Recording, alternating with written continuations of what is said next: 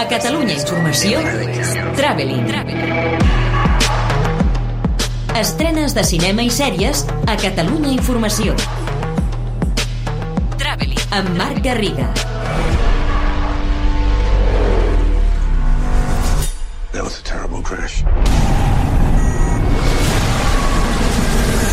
L'estrena de la setmana és una pel·lícula de ciència-ficció basada en un best-seller que té una premissa superinteressant i que el director Doug Lyman, el responsable de films com El límit de l'endemà o El cas Bourne, plasma visualment d'una forma impecable. I això és que els humans arriben a un planeta on els homes se'ls senten tots els pensaments i a les dones, en canvi, no.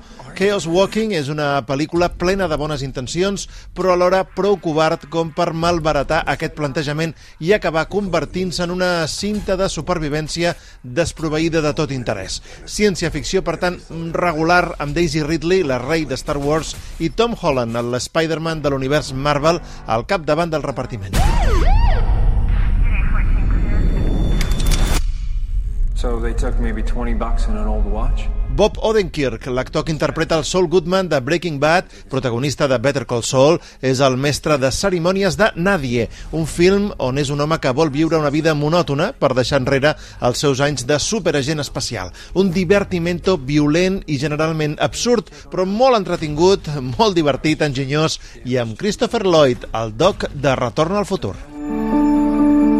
امیدوارم که به هر حال رضایت بگیریم ایشالله si l'opció és el cinema compromès, l'escollida ha de ser Yalda, La noche del perdón, un film iranià que trasllada a la gran pantalla el repugnant programa de televisió que s'emet en aquell país, que s'emetia, de fet, fins que es va estrenar aquesta pel·lícula, i que consistia en que una persona condemnada a mort per matar-ne una altra podia sobreviure si algun parent directe de la víctima la perdonava davant les càmeres d'aquest reality. El seu director, Mahmoud Bakshir, explicava a Catalunya Informació que volia destacar el xoc entre dos mons que es viu dia a dia a Teheran.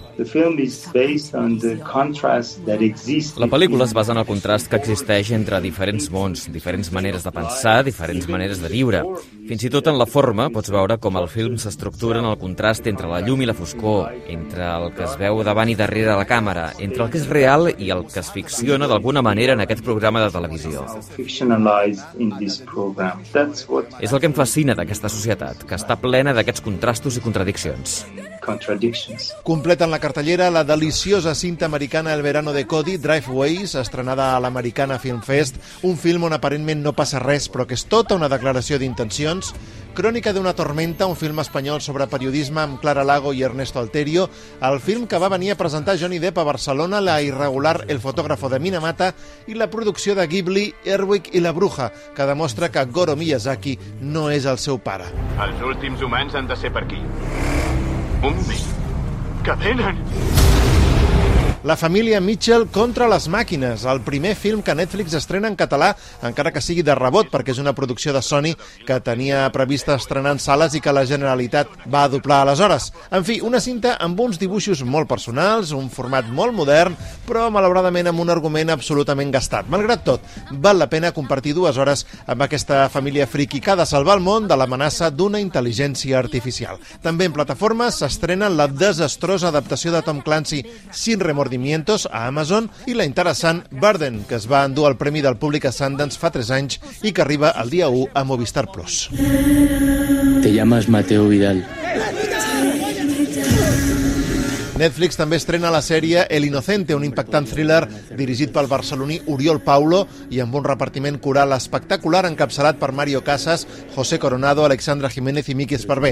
Una adaptació de Harlan Coben, un dels mestres del misteri i el suspens, per un director que ja ha donat mostres d'efectivitat, una addicció absoluta, com ell mateix deia a Catalunya Informació. hem fet tota una feina de posar-nos en el lloc de l'espectador i dir com volem que faci next, saps?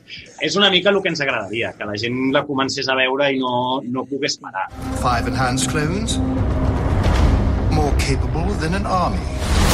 L'altra sèrie destacada forma part de l'estratègia de Disney Plus de combinar produccions de Marvel i de Star Wars. Acabada Falcon i El Soldado d'Invierno, el dia 4 li toca a la Guerra de les Galàxies, que porta La Remessa Mala, una sèrie animada que segueix l'estela de Clone Wars i que serà una delícia per als fans. La protagonitzen cinc clons que no obeeixen l'imperi després que l'emperador eliminés els Jedi i, per tant, es col·loca temporalment darrere l'episodi 3, la venjança dels Sith. A més, Apple TV Plus estrena una nova versió de La Costa de los Mosquitos i Filmin porta el dia 4 una conspiració sueca, la comèdia que va guanyar l'últim Serializados Fest. Traveling. Estrenes de cinema i sèries a Catalunya Informació. Amb Marc Garriga. Strap in, kid.